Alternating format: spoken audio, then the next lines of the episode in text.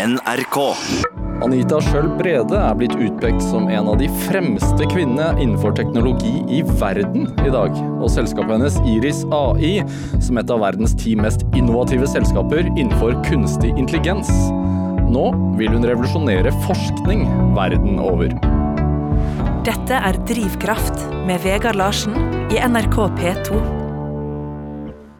Anita Schjøll Brede, velkommen til Drivkraft. Takk skal du ha. Det er utrolig hyggelig å ha deg her.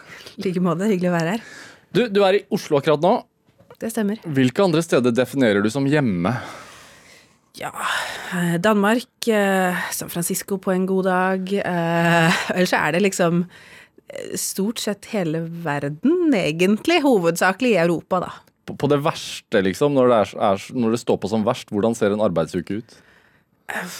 Altså, logis, logistisk sett så er det vanskelig å være mer enn liksom tre ulike land på en uke, på en måte. Eh, Pluss plus helgen hjemme. Um, så det er eh, Ja. Eh, jeg prøver å unngå sånne uker, men en gang iblant så må man liksom være på en konferanse et sted, og så ta en tur innom et eller annet sted før konferanse nummer to, og så hjem til, hjem til fredag eller lørdag. Men det er verdt det. Eh, Ja, noen ganger må man. Ja. Så det er kanskje ikke verdt det. Altså, av og til så er det sånn, ja, men det, det må man. Man skal ta det møtet dette stedet. Og, altså, det kommer seg ikke utenom, liksom. Men, eh, men jo, jeg, jeg liker jo måten jeg lever på, selv om det er litt slitsomt av og til. Ja. Du, du driver jo innenfor teknologi, Øh, jobber tidvis i Silicon Valley i California. Uh, hva vil du si, altså, siden dette her er et program som er sånn rett etter frokosten eller til lunsjen? Altså, hva, hva er en typisk Silicon Valley-frokost eller lunsj? Der er det sånn, det blir sånn veldig trender. Så det, var, det her har jeg aldri prøvd, men det er noe som heter en bullet coffee. Hvor man, hvor, altså jeg tror det er, altså det er et, et, en espresso, espresso-shot med en klatt smør i. Så liksom oppløser det, og så liksom shotter man den, og så er det energien man trenger. Det det, det har jeg aldri prøvd, eh, men det var veldig trendy en periode.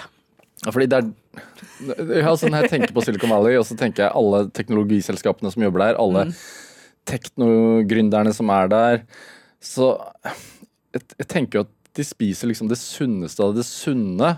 det, det kommer veldig an på hvilken, altså hvilket nivå du er på. For hvis man er på en måte oppstartsfasen, tidligfase gründer, null penger, så er det liksom havregryn og pizzarester fra kvelden før, på en måte. Altså sånn, tenk deg liksom eh, sånn college-stil, liksom.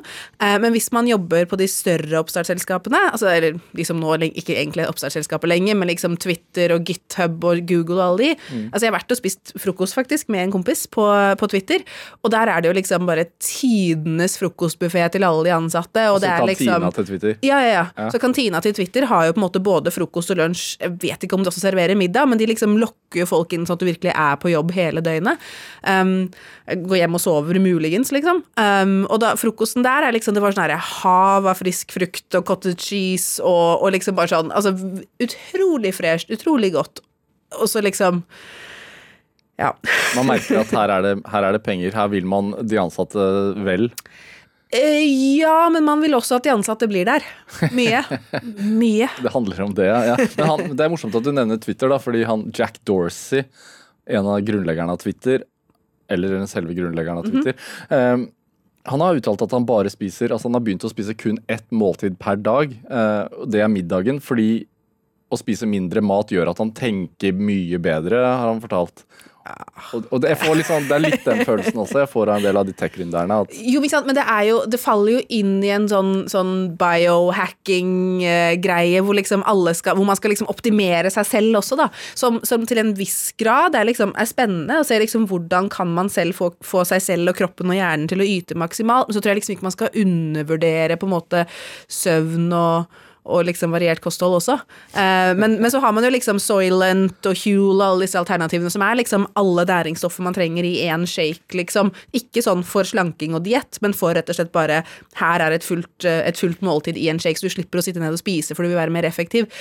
Hva hva er det du sa? Soylent? Soylent. Er eh, det, er, eh, altså det er rett og slett bare en Man har funnet Altså, det er gjort målinger på liksom akkurat hvilke næringsstoffer man trenger. Det er basert Altså, det er jo en del Det er mye protein i, selvfølgelig, og så er det noe fiskeolje osv., og så, videre, og så, er det et pulver eller en kommer ferdig i en shake i en flaske, som da er på en måte en måltidserstatning.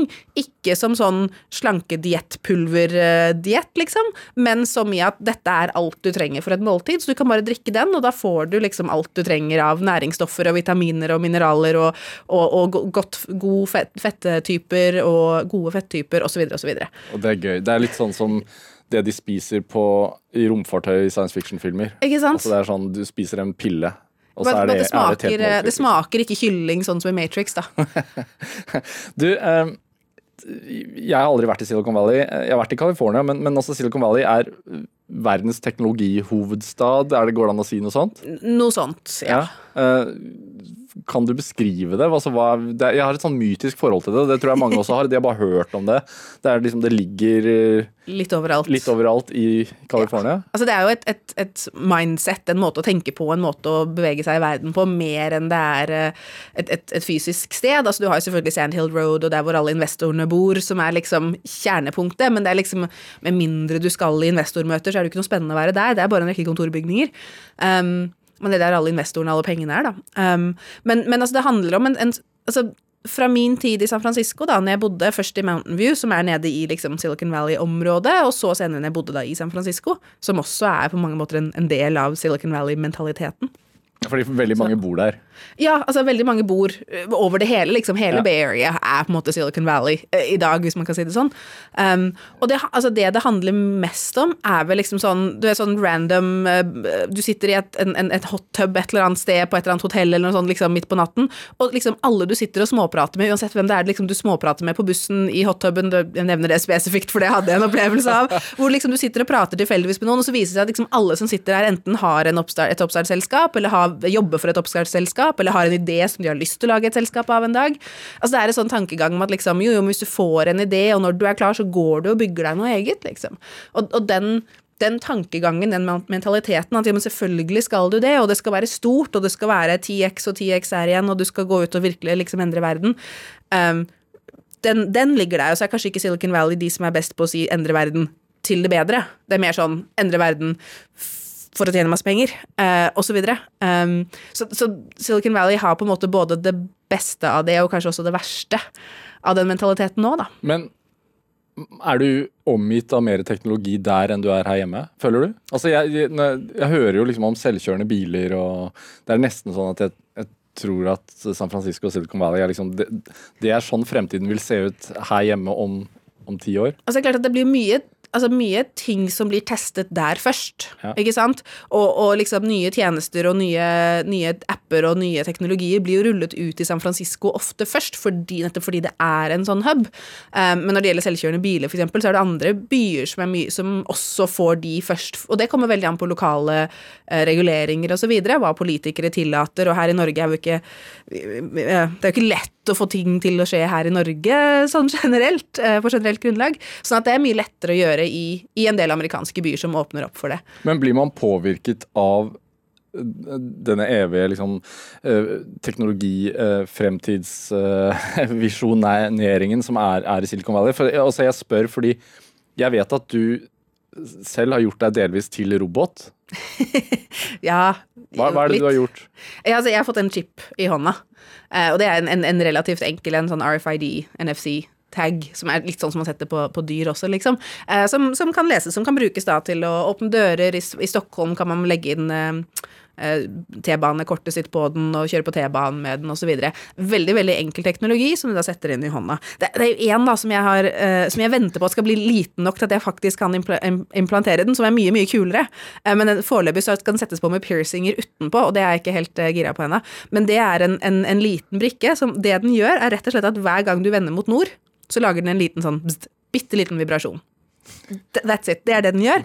Eh, men det, det det gjør, da, at, at over tid så vil du rett og slett utvikle en retningssans hvor du alltid vet hvilken himmelretning du er i. Ikke, altså det er ikke sånn at du skal snu deg rundt hver gang du skal finne nord, men, men du vil utvikle en intuitiv retningssans på hvilken hvilken vei du nesa peker, holdt jeg på å si. Men hvorfor i all verden eh, har du gjort det? Altså, trenger du dette her? Altså, du, Altså, du kan åpne dører med hånden, du kan bruke Jo, ja, men akkurat det med navigasjonen Ja. Altså, Du skulle sett meg prøve å navigere nye byer, og jeg reiser mye, men altså, jeg har jo ikke retningssans i det hele tatt. Så det å liksom faktisk kunne få et implantat som, som gjør at jeg kan forbedre retningssansen min, da tenker jeg kult. Det kunne kommet godt med.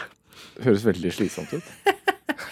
At det hver, gang, hver gang du snur deg rundt, så vibrerer det. Jo, men det, er- det, er så, det er så subtilt, da. At du vil ikke merke det egentlig. Det vil bli en del av, eh, av liksom eh, Bare en del av kroppen din uten at du tenker over det. Hvis du danser swing, da, så vibrerer det hele tiden. da.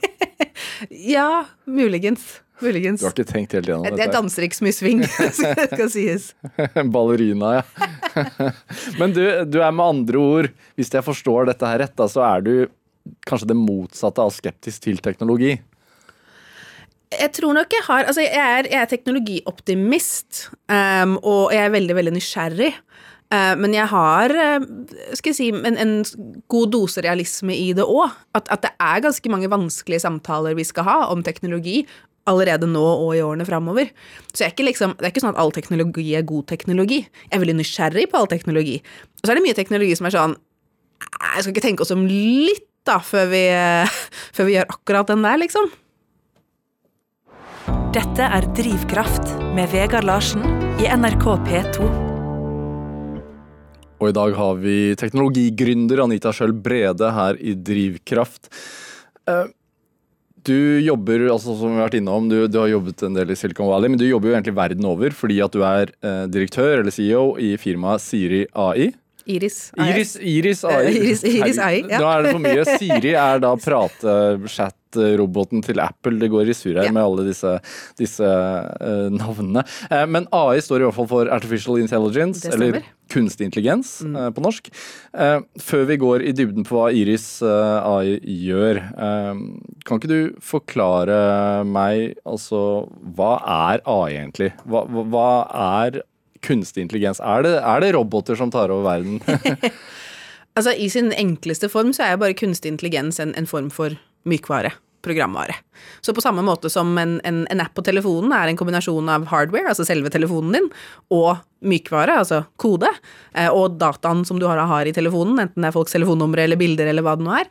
Eh, Kunstig intelligens er basert på akkurat det samme. Det er også den kunstige intelligensen som faktisk kjører på telefonen din, er hardware, software og, og data. Så det er på en måte, det er, ikke, det er liksom, det er fremdeles bare det samme vi snakker om. Forskjellen er at, at vanlig mykvare sier man at, at er um, formet, man kan si at det er formet som en kalkulator. Du gir den A pluss B, og så får du C hver gang. Den, er liksom, den gir deg samme svar, det er det du forteller at den skal gjøre. Det er, det er ikke altså det Det er er bare, ikke kunstig intelligens, det er sånn vanlig programvare. Ja. Men eh, kunstig intelligensbasert eh, programvare, den eh, vil eh, endre svaret sitt over tid jo mer data den får. Så for eksempel, da, hvis du tar eksempel, hvis du har en iPhone, så har du sant, hele, hele fotogalleriet ditt, så kan du jo gå inn i dag og søke på katter eller eh, skyskrapere osv., og, så og så kan du finne alle bildene du noensinne har tatt av en katt eller en skyskraper, og også personer, ikke sant. Og din eh, mobil vil da oppdatere seg over tid, så jo flere bilder du tar, jo bedre blir den til å gjenkjenne objekter i de bildene. Ikke sant? Så du får ikke det samme svaret om du spør igjen om et halvt år, eller, om du spør igjen enn en det du spør om nå, fordi den telefonen på akkurat den bildegjenkjenningsalgoritmen har blitt bedre over tid. den blir flinkere til å gjenkjenne katt. Ja, nettopp. Men, men man prater jo som om eh, AI eller kunstig intelligens som et Eller man kan se det for seg kanskje som et lite barn som er nødt til å lære, Mm. og som blir smartere og smartere. Kan, er det en sammenligning som fungerer, eller? Til en viss grad. Problemet med det er at da, da gjør vi det veldig liksom menneskelig. Ja. Uh, anthropomorphi... Nei, hva heter det? Det er eh, mitt minst favorittord på engelsk. Vi, vi, vi menneskeliggjør det. Um, Skal vi ikke gjøre det? Uh, jo, det kan vi godt, men, men da blir det jo litt misforståelser ute og går. ikke sant? Hvis vi hele tiden tenker oss kunstig intelligens som et lite barn som skal lære, så tenker vi at altså, et lite barn kan jo lære seg hva som helst. ikke sant? Et lite barn kan lære seg å kjenne igjen at en katt er en katt, og at, at ikke sant, du er pappa, og dette er en kopp, ikke sant, og dette er vann. Uh, og kan også lære seg å lese, osv., osv. Mens en, en kunstig intelligensalgoritme per i dag kan kun lære seg én ting. Og skal man lære en kunstig intelligens noe annet, så må man skrive en ny algoritme. De kan bare lære én ting av gangen. Så den algoritmen som skal lære å kjenne igjen at en katt er en katt, eh, den kan gjøre det, og den kan gjøre det. Den må se veldig mye mer katter enn et barn, eh, men på samme måte så lærer den det over litt tid. Og så lærer den å kjenne igjen at en katt er en katt. Hvis du skal lære den, den algoritmen eller den kunstig intelligensen å liksom bake boller, så er ikke det det samme som at den ungen som kjenner igjen katter, nå kan bake boller. Du må på en måte lage et helt nytt programvare som skal bake boller. Ja. Um, så, så, derfor er det litt på en måte feil å se det som et, et, barn, men det kan også være hjelpsomt for å forstå liksom at det er en, en mykvare som, som lærer, da. Men vi hører jo, altså Jeg var på teknomessen South by Southwest for noen år siden, og mm. da var jo AI eh, det største. Mm. Eh, så jeg føler jo at selv om dette er en teknologi hvis jeg forstår det rett, som har eksistert i ganske mange år, så er det først de senere årene at liksom det er på alles lepper da man hører om AI og kunstig intelligens over overalt. Absolutt. 2012 er eh, liksom skilleåret. Hva er grunnen til at, det, at 2012 var skilleåret, og hvorfor har det kommet så mye mer? Ja, hvorfor altså, snakker alle om det? altså, det er to ting som skjedde, og det var sånn ca. 2012. Det ene var tilgangen på databehandlingskraft altså datamaskiner, servere, eh, som man da kunne, kunne, ikke bare Du trengte ikke å kjøpe på en måte en, en maskin til en million og sette i, i, kjellerstua. Du kunne bare sette deg i kjellerstua og logge inn på Amazon og kjøre opp en, en server der, derfra, og så, og så implementere det du ville omtrent 2012 så begynte det å bli Altså, det du kunne på en måte få tilgang på av serverkraft, var, var sterkt nok og, og, kraftig nok til at du kunne kjøre disse algoritmene. Det andre er tilgang på data, og det er jo takket være internett. Eh, omtrent også 2012 så ble tilgangen på data over nett eh, så stor at du faktisk kunne ha den dataen du trengte for å kjøre alle disse algoritmene. Og hurtigere internett, altså bredbånd. Ikke sant, og det, sant, det, henger jo sammen igjen med databehandlingskraft osv. Så, videre, og så, videre. så, så, så det at liksom databehandlingskraften og tilgangen på data, det er de to tingene som gjorde at alle disse algoritmene, altså neural networks, eh, som er en form av maskinlæring, eller den metoden man bruker på maskinlæring, ble jo oppfunnet i 1958. ikke sant, Deep learning i 1986. Men 2012 så endelig så hadde vi teknologien, den fysiske hardwaren tilgjengelig til å si at ok, nå kan vi faktisk kjøre disse algoritmene. Masse uh, definisjoner her nå, altså deep learning, neuro. Neural network. Neural, ne ja. hva, hvor, neurale nettverk. Ja, hva, hva, er det? Hva er det? Du får bare henge med på at min, norsk, mine norske uttrykk på fagfeltet her er ikke helt uh, sterke. Um, altså, neurale nettverk, se, se for deg at altså, i vi, hvis vi snakker om da liksom eh, maskinlæring som, som en, en, form Altså et, et, et, at vi har hermet etter menneskehjernen, da. Ja. Eh, det er ikke helt riktig å si det sånn, men vi kan, vi kan, late som det for et øyeblikk. Og i hjernen våre så har vi uh, neurons, ne neuroner, uh, nevroner, nei, ja. Neurons. Vi holder oss til engelsk. Neuroner. Nevroner. Ja, som, og det er jo de, de, små computational unit, det er de små databehandlingsenhetene i hjernen vår. Det går fort. Dette går fort, jo, Men vi har små, små, chips da, som sitter i hjernen, neuronene, eh, som er de som beregner ting i hjernen vår. Og så har vi synapser, sier man kanskje på norsk, ja. eh, som sender signaler mellom. Og, og et, et neural network fungerer akkurat det samme, bare i, i silikon eller andre materialer eh, et, eh, i, i, en datamaskin. Så, så, det er på en måte en, en måte å, å, å, kjøre disse algoritmene på som er annerledes enn en, si, vanlige, vanlige, datamaskiner. Da. Hvor mange firmaer i dag eh, i Norge f.eks., du har kanskje ikke faktiske tallene, men bruker AI eller ønsker å bruke AI i en eller annen form? Eh, ønsker, så vil jeg vel si absolutt alle uh, faktisk gjør det. Kanskje ikke fullt så mange. Men hvorfor er det sånn? Hvorfor, hvis man skal starte et nytt selskap i dag, hvorfor tenker man at ja, da må vi ha en AI-avdeling? Altså? um, fordi veldig mye av det arbeidet vi gjør i dag, er utrolig manuelt, utrolig repetitivt, utrolig tidskrevende. Uh, og der har vi teknologien til å gjøre det mye enklere. Og det er ikke nødvendigvis bare med kunstig intelligens spesifikt. Det er veldig mange typer teknologi. For eksempel, som vi akkurat snakket om før, før, sendingen, hvor du sitter med dine skjermer og har Du har dine spaker, og du kan styre hele sendingen egentlig litt mer på egen hånd enn man kunne for fem-ti år siden. Og det er jo takket være teknologi som gjør at du har alt på, på fingerspissene. Um, ikke så intelligent, da. Ikke, nei, kanskje ikke fullt så intelligent, men, gent, allikevel. Det er måte, det er teknologi som gjør ting enklere, mer lett forståelig um, og mer tilgjengelig. Og, og, det er på en måte Altså, kunstig intelligens er kun ett av si, de forskningsfagfeltene en av teknologiene som, som har samme effekt. Eh, og det er liksom om det er ny skjermteknologi eller, eller kunstig intelligensteknologi eller eh, bare sterkere datamaskiner som gjør at vi kan kjøre mer kompliserte ting på de. Alt det her er bare ulike former for teknologi som egentlig har samme samme formål, som er å gjøre hverdagen vår enklere. Men tror du at man kan bruke det i nesten enhver virksomhet? Altså Jeg hadde Christian Ringnes her forrige uke, og, mm. og, han snakket om at han heller ville være sjef for en pølsebod f.eks. enn mellomleder i en liten bedrift, eller en større bedrift. Um, det er en helt annen story. Men, men, hvis jeg hadde drevet en pølsebod, kunne jeg brukt AI på en måte? Ja, eh, så absolutt.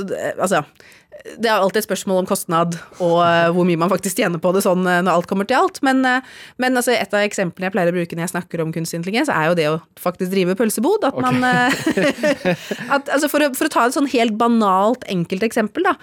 La oss si at jeg arver en pølsebod, mm. og så står jeg der dag én, og så sier jeg ok, hvor, hvor pokker, hvor mange pølser skal jeg hvor mange pølser skal jeg legge i vannet eller putte på grillen, liksom. Jeg aner ikke hvor mye jeg skal selge i løpet av en dag. Hvis jeg da skulle ha tilgang på la oss si fire måneder med historiske data, om hvor mye som var solgt hver dag um, La oss si jeg også kunne ha et datasett som var hvilket vær har det vært hver dag de siste fire månedene. Fordi om det pøsregner, eller om det er knallsol, vil jo påvirke hvor mange som kommer i pølseboden og kjøper pølser. Hvor mange som gidder å gå ute. Um, hvis jeg har de to datasettene, så kan jeg kjøre det gjennom et veldig enkelt uh, nettverk og, og få et svar på Gitt at det er mandag i dag, og været er egentlig ganske fint, hvor mange pølser skal jeg lage sånn på begynnelsen av dagen for å ha nok til hele dagen å selge? Tror ikke det ville lønt seg for noen som eier en pølsebod, å sette opp en maskin som kan gjøre det. Nei, for jeg kunne brukt et Excel-skjema nesten til det samme. Ikke sant? Da, ikke sant? Men la oss si at du da også legger over, tar inn data på antall Altså på ferier, både fra hele verden, ikke sant, så du får turistsesonger. Um, og så kan du legge over sportseventer, og så kan, du, så kan du begynne å plukke ut veldig, veldig mye data, og på et eller annet tidspunkt så blir det for mye data til at du som menneske klarer å sette deg med det Excel-arket og regne på det. Og det er på en måte det disse maskinene kan la oss gjøre. Ting som Så lenge det er enkelt, så kan vi regne på det. Men jo mer data som kommer inn, jo mer uoversiktlig blir det. Men der kan maskinene fint holde, holde orden i alle, alle, disse dataene og finne ut av Gitt at liksom eh, Og nå skal jeg komme på et, et, Oslo-basert fotballag, men kommer ikke på noen. Vålerenga. Eh, takk, Vålerenga. Gitt at Vålerenga spiller kamp i dag, og at det er fint vær, og at det er høstferie, eh, hvor mye skal jeg, skal jeg legge på, eh, på grillen eller i, i vannet? Så mange års erfaring, altså AI kan bytte ut mange års erfaring, rett og slett. Nettopp. Mm, Iris AI, altså selskapet ditt, driver jo med kunstig intelligens. Et annet selskap som driver med kunstig intelligens i stor eh, skala, er eh, Google. Mm. Uh, og vi har et klipp, uh, riktignok på engelsk, hvor vi får høre at Google lar sin AI-tjener, vil jeg vel kalle den, uh, bestille bord på en restaurant. See how may I help you? Hi, um, I'd like to reserve a table for Wednesday the 7th. For seven people? Um, it's for four people. Four people when? Today? Um, Tonight? Wednesday at 6 p.m. Oh, actually we here for like after like uh, five people. For few, four people you can come. How long is the wait usually to uh, be seated? For when tomorrow or weekday or? For next Wednesday, uh, the 7th. Oh no, it's not too busy. You, you, you can come for four people, okay? Oh, I gotcha. Thanks. Bye bye. Du hører på Drivkraft på NRK P2, og i dag har vi teknologigründer Anita Schjell Brede her også. Så nå hørte vi akkurat et klipp der Google lar sin AI-tjener bestille bord på restaurant. og det er den som ringer inn og bestiller, som er den kunstige intelligensen her. Ja. Og, øh, og ikke hun som tar imot. ja. Uh, blir du imponert over dette? Ja, så absolutt. Det er, altså Hvis du ser på en måte framgangen i den teknologien og hva som er mulig å få til i dag, sammenligner det med liksom fem-ti år siden, så er det jo på en måte helt Det er jo helt sinnssykt. Ja, jeg husker um, da iPhone kom med sin Siri, som man kunne prate til, så kunne ikke den hjelpe meg med noe som helst. Ikke sant? Sånn at, sånn at på en måte gjennombruddet har, har, jo vært Altså, er jo på full fart. Um, fremdeles så er det litt sånn Altså, man skal jo her er jo markedsføring ikke sant, fra Googles side, så man skal jo ta det litt med en klype salt. Altså, hvor mange timers opptak har de, og det her er jo de aller beste. Altså, det er et godt opptak, men de har selvfølgelig valgt ut det beste, og så er det sikkert eh, ja, mange, som, eh, mange som ikke er så imponerende. Men hun som tar imot bestillingen, eh, tror at hun prater med et menneske. Ja. Og det høres jo ut som hun prater med et menneske. Ja. Og denne datamaskinen, eller den kunstige intelligensen, den responderer jo som et menneske, og, og gjør jo endringer i forhold til hvilken informasjon eh, han får på relativt dårlig engelsk. Absolutt. Og så det som, det som er på en måte dypt fascinerende og imponerende, er maskinen sin evne til å klare å holde den røde tråden. Hva er det egentlig vi snakker om her? Når hun som står på andre siden og er midt i en restaurant og bestilling, og, og hun, hun har ikke enkel tid til å prate, ikke sant? Så hun på en måte hopper litt fram og tilbake i samtalen fordi hun er busy. Og det at maskinen da klarer å holde den tråden, og, og hele tiden svare på spørsmålene hennes, det er dypt imponerende. Det at maskinen høres ut som et menneske, det har også skjedd veldig mye de siste årene. At det ikke høres ut som en sånn ikke høres ut som en robot lenger. Um, men det er klart at De har lagt inn noen æ-er og ikke sant? Mm, um, mm, um, og det er jo ikke liksom Det er jo ikke så imponerende liksom å slenge på noen ummer og ører Men i liksom når man skal få noe til å høres menneskelig ut, så er det Det hjelper. Det funker. Hvis du ser Du er jo uh, en ekspert på området, uh, definerer jeg deg som nå. Uh, hvis du, ja, du, når du blir utropt til en av de 50 fremste kvinnene innenfor teknologi i verden, så vil jeg si at du er det. Jeg skal, jeg skal alltid bruke ekspert som med, litt, med en klype salt, altså. Det, jeg syns uh, Ja. Men, men hvis, du, hvis du våger å se inn i fremtiden, eh, hva positivt kan kunstig intelligens bringe oss, tror du? Altså, hvordan håper du verden ser ut om typ 20 år med tanke på teknologi? Oh, hvor, uh, hvor begynner vi? Altså Hvordan kan vi bruke, hva, hva positivt får vi ut av AI i vår hverdag liksom, om 10-20 år? Alt, alt, liksom. Det, det er det som er så vanskelig. Men altså, hvis man tar noen eksempler, så er det jo um, For eksempel så er det utrolig mange bruksområder for kunstig intelligens innen medisin. Um, alt fra liksom um, fra hva heter det, mikroskop, som ikke har den delen som, som man faktisk ser i, som bare er hvor man legger inn en blodprøve i mikroskopet, og mikroskopet selv har en maskinlæringsenhet som bare kjenner igjen blodprøven og kan f.eks. teste for malaria. Det finnes jo allerede. Um, og det kan jo altså, Nå trenger vi ikke så veldig mye malariatesting her i Norge, heldigvis, men um, det er jo da maskiner som kan implementeres uh, i liksom sub-Saharan Africa, som kan, som kan skalere opp eh, testing og diagnostisering av malaria, f.eks. Ikke sant? Um, Man kan få, få svar på stedet. man kan få svar på stedet uten lege til stede. Det eneste du trenger, er noen som er, eh, som er kvalifisert til å ta en blodprøve. Eh, og det er liksom Selvfølgelig skal man ha eh, no, viss utdannelse og, og, og trening for å gjøre det, men og, på sånne ting. Og så er det også f.eks. i forhold til jordbruk, eh, så er det utrolig mye man kan gjøre i forhold til eh, diagnostisering av, av jord og, og overblikk over store jord... Altså det er utrolig mye man kan gjøre i forhold til kunstig intelligens på det å gjøre jordbruk mye mer effektivt, produsere eh, mer mat, så at vi faktisk kan, kan brødfø alle, alle menneskene på jorda. Um, det er veldig, veldig mange sånne ting som jeg syns er kjempespennende. Også akkurat det med på medisins, medisinfronten, så er det klart at eh, i, I vår del av verden så er det veldig mye retningslinjer og begrensninger på hva man kan gjøre, men så er det veldig mange steder i verden hvor en, en robotlege er veldig mye bedre enn ikke noe lege som er alternativet i dag. Men vil ikke dette også eventuelt bytte ut oss mennesker? Altså Jeg bare ser på kassekøen på eh, de butikkene jeg handler varene mine i nå. Det er jo eh, færre og færre folk som sitter i kassa og jobber, f.eks. Og man snakker jo om selvkjørende biler, taxisjåførene forsvinner kanskje. Altså, yep. Vi vil jo bli mindre og mindre Få ha mindre og mindre bruksverdi, da, vi, vi folk, kanskje? Ja, det kommer an på hva du ser som menneskelig bruksverdi. altså, jeg, jeg mener jo at eksempel det å Um, la oss si sitte i kassa på Rimi, hvilket jeg, jeg har gjort i, i, i, et år eller to. Um, det er jo ikke nødvendigvis det som er den mest stimulerende jobben her i verden. Det var også veldig hyggelig, Jeg hadde veldig hyggelige kolleger, men det var jo ikke sånn at liksom, yes, det å, det å gjøre det hver dag var liksom uh, drømmen min. Um, og, og, og, det er veldig mange jobber, og nå er kanskje ikke det det beste eksempelet, men se, se på gruveindustrien i USA. Da, det er veldig mange jobber som er direkte farlige og helseskadelige for mennesker.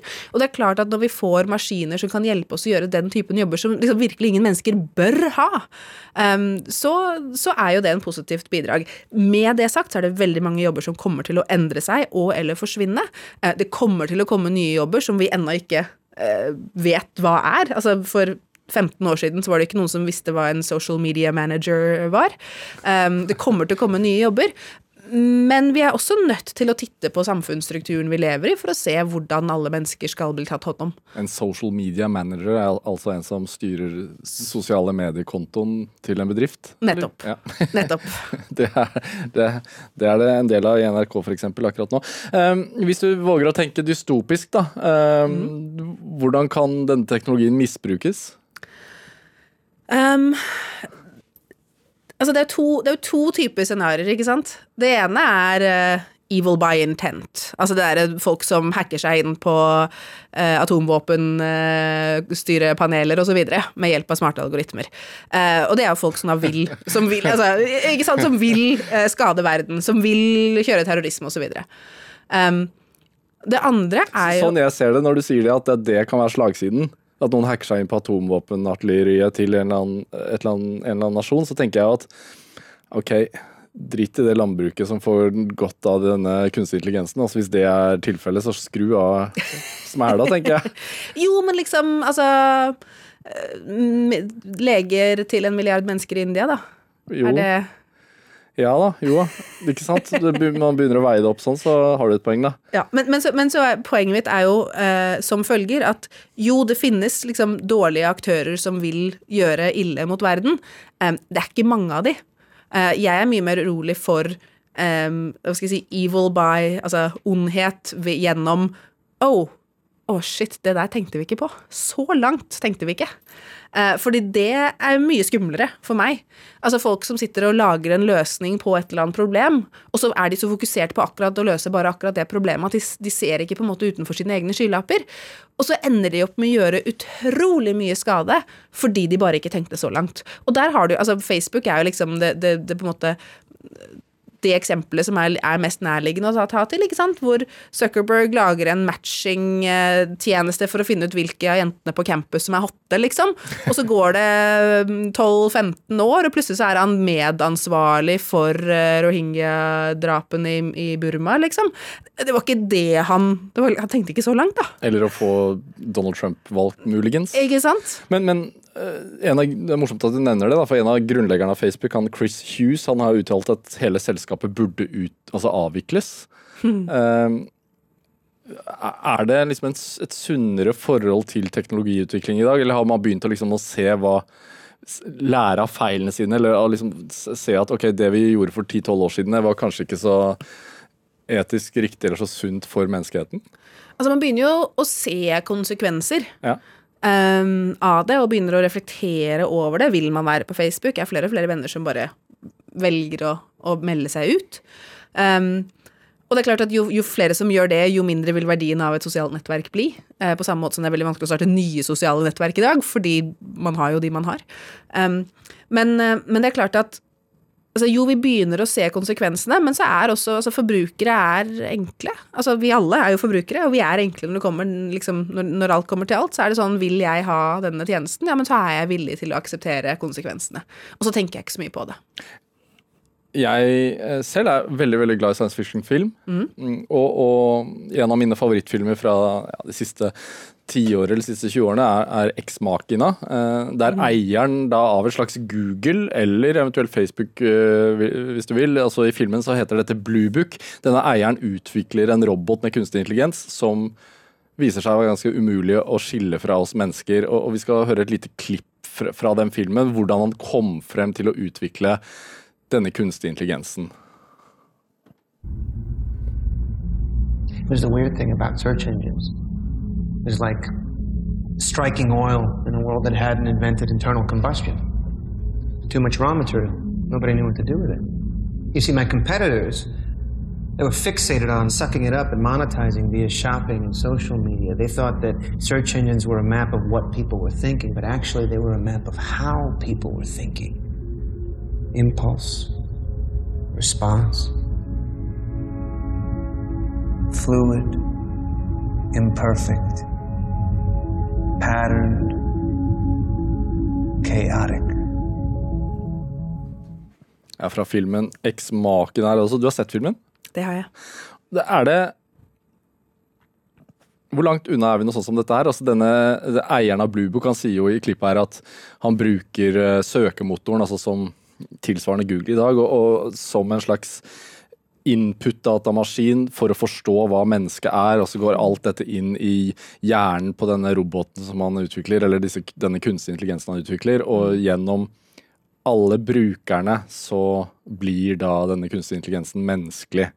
Er det bare science fiction, eller er dette her mulig?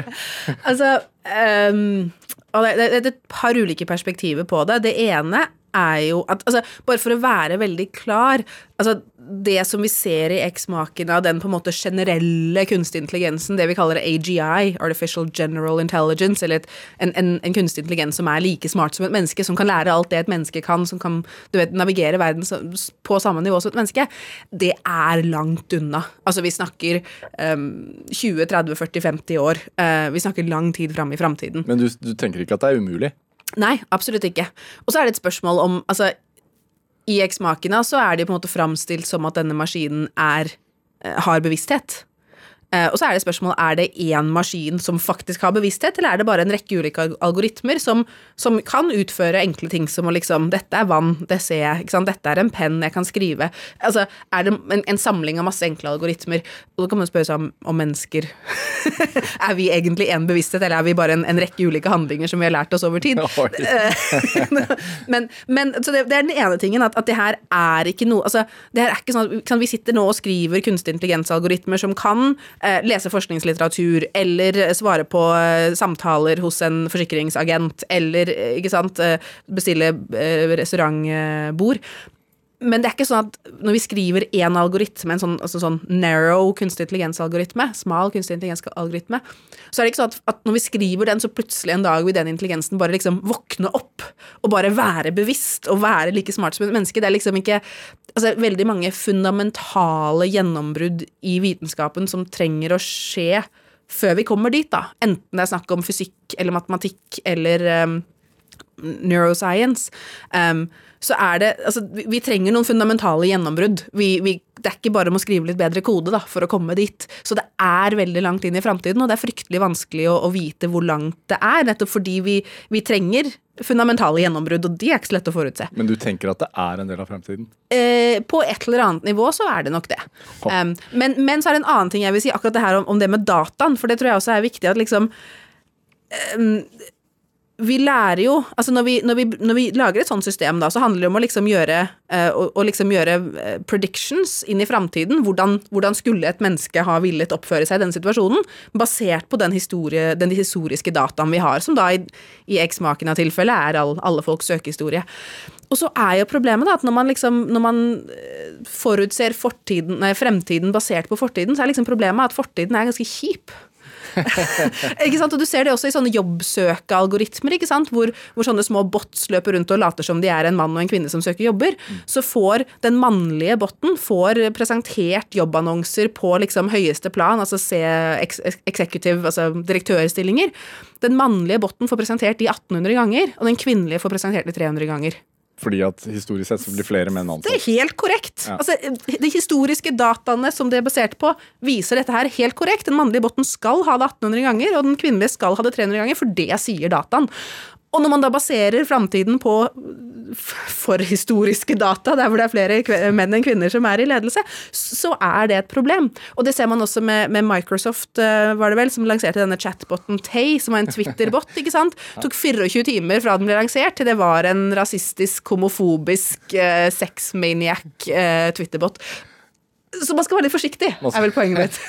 Skal være forsiktig å lage superintelligente datamaskiner basert på menneskets verste side. Eh, Men uansett, da, altså i, i X-Makena så tar jo eieren av denne Blue Book utgangspunkt i brukerne sine for å skape teknologi. og jeg vet ikke om jeg har forstått dette helt riktig, altså, men du, du har jo et, et firma, Iris AI, som blir nevnt som et av de mest innovative selskapene innenfor kunstig intelligens i dag. Eh, gjør dere litt det samme? Bruker dere brukerne deres for å skape noe nytt? Til en, til en viss grad. Altså, vi har jo eh, Kjerneteknologien vår er jo en maskin som forstår vitenskapelig forskning. Men sånn helt sånn spesifikt, hva er det Iris AI gjør? Hva er det dere vil? Hva er, det, hva er, hva er dette selskapet? Målet vårt er jo å lage en AI-forsker. Altså et system som kan gjøre forskning for oss og med oss, basert på eksisterende forskningslitteratur. Eh, tanken der er at hvis man vil gå ut og gjøre jordbruk bedre, som vi snakket om, eller løse en viss type helseutfordring, så finnes det jo enormt mye forskning på fagfeltet, um, men det er fryktelig vanskelig å navigere. Og det er altfor mye kunnskap der ute. Vi har 200 millioner forskningsartikler eh, og milliontalls patenter osv. Så, videre. så vi prøver rett og slett å bygge en maskin som kan hjelpe oss å, å liksom plukke ut akkurat det vi trenger, den, den kunnskapen vi trenger. Altså Hvis du er forsker og leter etter, eller jobber med én liten problemstilling, så vil denne maskinen hjelpe dere litt med å finne nåla i høystakken. da, Blant Nettopp. alle Så- andre forskningsartikler. Så vi har en en rekke ulike verktøy avhengig av hva du, hva du skal gjøre. Vi har noen verktøy for forskere i, i akademia, altså både studenter og, og, og fulltidsforskere, um, som hjelper deg å gjøre da, det som kalles litteratursøk, eller literature reviews, uh, for å finne da liksom den korte leselisten på kanskje 50 artikler som du skal lese, fra alle verdens artikler. Så det, det har vi verktøy på, hvor du kan spare 80% av tiden din på, som du vanligvis ville brukt til å gjøre det manuelt, og så korte ned den til å bare bruke tiden din på å faktisk lese det som er spennende. Så det er vi- søkemotor, rett og slett. Ja, du kan kalle det det, men, men det, den ser ikke ut som en, en vanlig søkemotor. Det er en helt annen prosess. Eh, Du starter med problemstillingen din. Du starter med å beskrive problemet ditt som du ville beskrevet det til en kollega. Og så gir du det til maskinen, og så leser maskinen det, og hjelper deg å finne relevante artikler. Men kan dette da i teorien være tjenesten som gjør det mulig å f.eks. kurere kreft? Ja, målet er jo da at de som sitter med spesifikke forskningsutfordringer på f.eks. én spesifikk krefttype, ikke sant, for det er jo, man, snakker jo veldig detaljert forskning her, at de kan bruke da våre verktøy sånn som de er nå, på å gjøre mye bedre litteratursøk for å gjøre forskningen mye raskere. Det vi jobber med nå, er jo å spesialisere den kjerneteknologien inn på et fagfelt. Akkurat nå jobber vi med kjemi. Og det som er målet der, er en rekke verktøy hvor kjemiforskere kan si dette er materialet jeg allerede har, eller liksom um, det kjemiske komponentet jeg allerede har. Eh, hvilke andre applikasjonsområder kan det her brukes på? Og så skal vårt verktøy gå ut og hente akkurat de stykkene informasjon fra all forskning i verden. Og hvis vi da på en måte ser for oss det her fem-ti år fram i tid, så vil vi kunne komme dit hvor forskeren sier at akkurat dette, sant, i denne krefttypen, dette proteinet har denne funksjonen, men hvordan kan vi? Ikke sant? Og så stille det spørsmålet til maskinen. Så kan maskinen da gå ut og lese all verdens forskningslitteratur, helt tverrfaglig, og komme tilbake med, med et svar. Men tror du forskerne, altså fors forskerne er villige til å gi fra seg kunnskapen sin på den måten? Fordi det, du fjerner jo litt det menneskelige aspektet her. Altså, blant forskere så er det jo eh, veldig stas å bli publisert i et tidsskrift f.eks., og de lever jo av disse forskningsrapportene sine. Og ofte så er det jo selskaper som har eh, bestilt og, betalt for de også.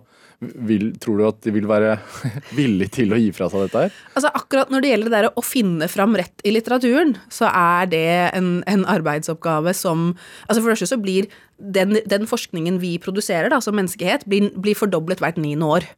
Så det er så sinnssyke mengder forskning der ute, og det går fortere og fortere. Så det er fryktelig vanskelig å navigere. Så akkurat den biten, altså når du snakker med forskere om hva den mest spennende biten av jobben deres er, så er ikke det der å prøve å finne riktig litteratur, det er ikke det, er ikke, det, er ikke det som er moro, liksom. Um, så, så vi gjør jo på en måte den biten. Uh, målet vårt er jo ikke å erstatte forskere. Målet vårt er å gjøre den biten som, som ikke kan gjøres med menneskehjernen. Altså hvis vi tar pølsebodeksempelet igjen, ikke sant.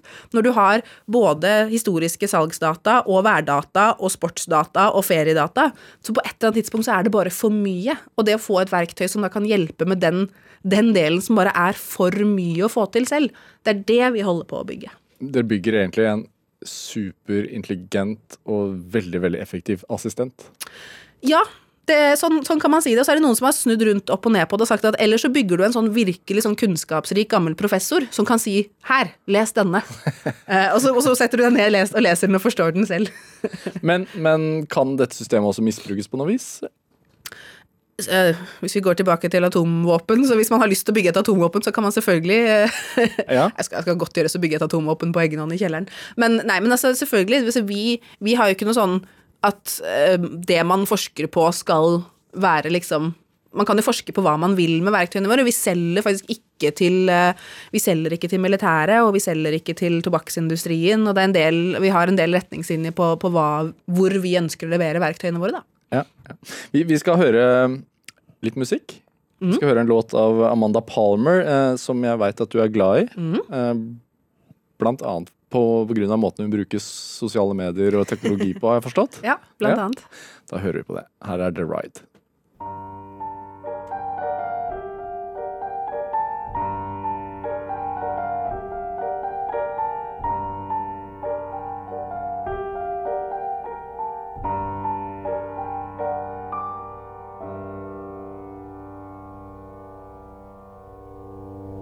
Everyone's too scared to open their eyes up, but everyone's too scared to close them. Everyone's frightened, they don't know what's coming, but everyone's frightened of knowing. Everyone's reading the rules of engagement, and everyone's starting to doubt them. Everyone's reaching to put on a seatbelt, but this kind of ride comes without them. I want you to think of me sitting and singing beside you. I wish we could meet all the people behind us in line. The climb to the crest is less frightening with someone to clutch you. But isn't it nice when we're all afraid at the same time? And it's just a ride. It's just a ride. And you've got the choice to get off any time that you like. It's just a ride. It's just a ride. The alternative's nothingness. Might as well give it a try.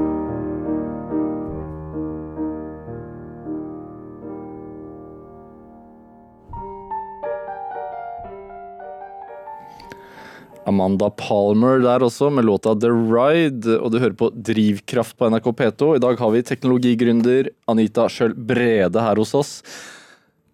Du er glad i Palmer, og du sier at du liker måten hun bruker teknologi å zoome på for å holde kontakten med fansen og alt det der. Og så uh, var jeg så frekk at jeg var inne på din Instagram uh, i går kveld. Så det, når du har åpen profil, så føler jeg at da er det greit. Det er helt innafor. Eh, men det er liksom forsvinner lite da, altså datamaskiner og teknologi på den Instagrammen. Det er liksom markjordbær og utsikt og sånn. Jeg tenker ikke Ja. liksom hun her, hun jobber med kunstig intelligens, tenkte jeg ikke. Altså, Kunstig intelligens er veldig vanskelig å ta bilde av. det er liksom mange linjer med kode, og that's it. Det er ikke, det er ikke så spennende å ta bilde av. Og så, og så syns jeg at altså, teknologi er veldig spennende, men, men markjordbær og fin utsikt er, er mer verdt å, å liksom virkelig dele med verden, da. Ja, du syns det?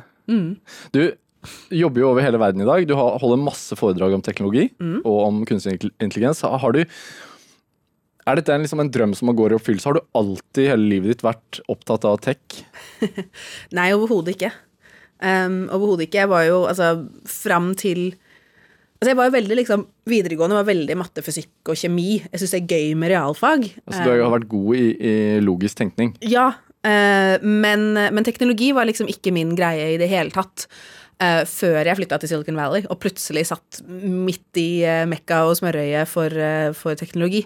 Og da, da hadde jeg en ganske bratt læringskurve da, de første, første månedene der. Men, men det å flytte til Silicon Valley altså det, det er jo mange i dag som drømmer om å jobbe med teknologi i Silicon Valley. altså Hvordan havnet du der i første omgang?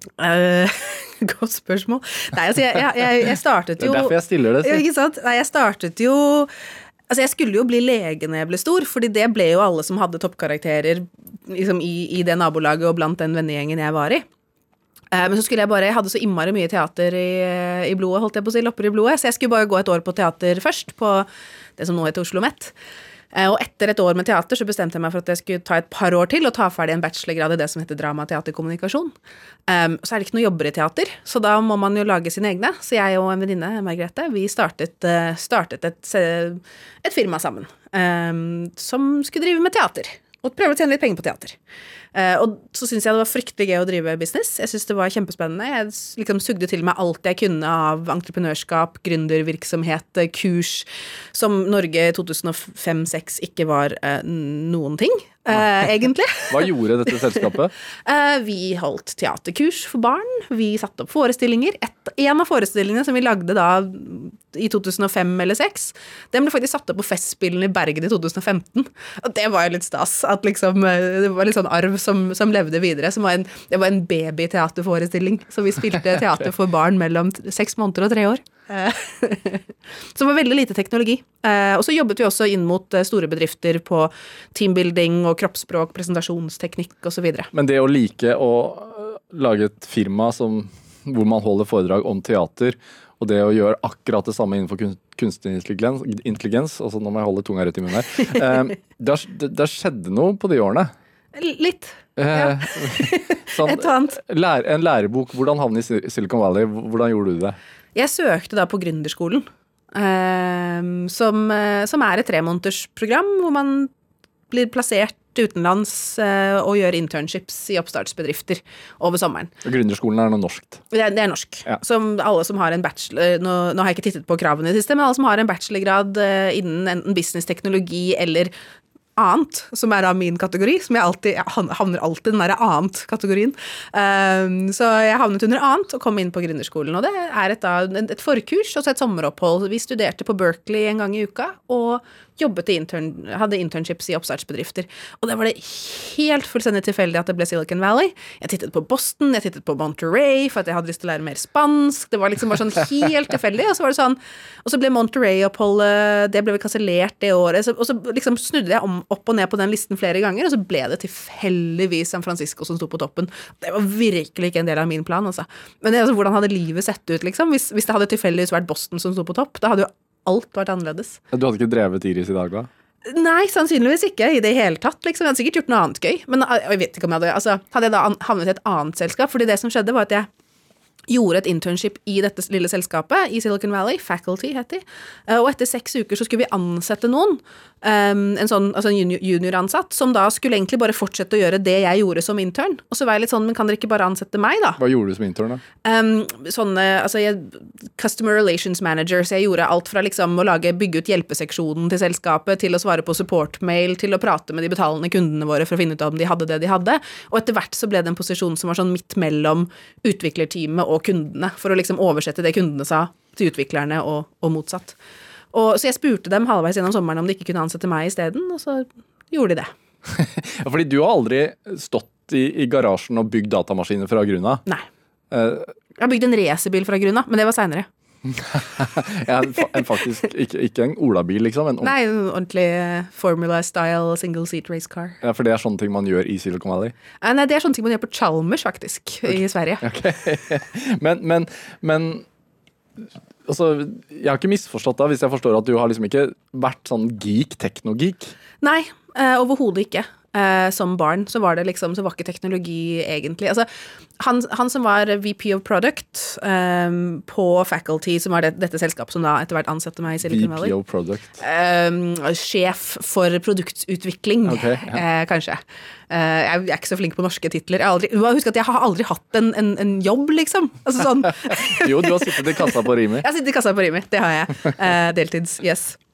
Um, men, men han sa det sånn fire måneder inn i liksom min faktiske arbeidshverdag, hvor vi satt, satt inne i liksom MySQL og oppdaterte noen databaser og altså sånn, du vet liksom var sånn og så, og så liksom så han på meg så bare sånn Jeg tror at du egentlig er en techie, du har bare aldri lært noen ting om det her. Jeg bare, nei, det kan være. Og så er jo læringskurven ganske bratt da, når man først sitter der liksom midt i, midt i det hele og skal lære seg liksom hva alle disse programmeringsspråkene er og ikke er, og hvilke som fungerer hvordan, og hvordan man snakker om altså sånn, så, så tok jeg det veldig lett da når det først liksom var arbeidshverdagen min. Er det en fordel, tror du, å ikke ha denne bakgrunnen når man faktisk skal kommunisere dette her og disse ideene? Altså, jeg tror Nei, ikke nødvendigvis. Altså, jeg, jeg tror jeg hadde hatt en god fordel hvis jeg faktisk hadde hatt en ingeniørutdannelse i, i bakhånden også. Um, men men altså det, det jeg har, på en måte er en, en god teknisk forståelse. At jeg tar lett liksom konseptene på, altså på konseptuelt nivå. Så tar jeg det ganske lett og forstår implikasjoner og forstår hva det handler om. Um, så har jeg jo på en måte kommunikasjonskunnskapene underliggende, og det er, det er på en måte virkelig um, Hva skal jeg si hvis jeg kan si det sånn, det er der talentet mitt ligger. Men det, altså det er der jeg har funnet ting som, som kommer lettest til meg, da. Er jo på kommunikasjonsbiten. Og det å ha kombinasjonen der er jo Men altså, det fins jo masse innmari smarte ingeniører som også er flinke til å prate om det de gjør. Så det er ikke noe sånn positivt eller negativt i noen retning, tenker jeg. Det er der den teaterbakgrunnen kommer inn, ute når du står på scenen og forteller om det du driver med. Absolutt. Og så er det alltid spørsmål, liksom, kylling og uh, høna og egget, liksom. Altså, er jeg, studerte jeg teater fordi jeg, det var egentlig det jeg var god på, eller ble jeg god på det fordi jeg studerte det, liksom? Altså, ja. Men uh, må man ha litt albuer, tror du, for å klare å etablere seg på denne scenen av tech-selskaper? Eh, åh, godt spørsmål. Jeg, jeg tenker at man ikke trenger albuer. Men man trenger uh, grit, som er et veldig amerikansk uh, ord. Altså Man trenger stå-på-vilje. Man trenger kanskje mer bein i nesa enn albuer.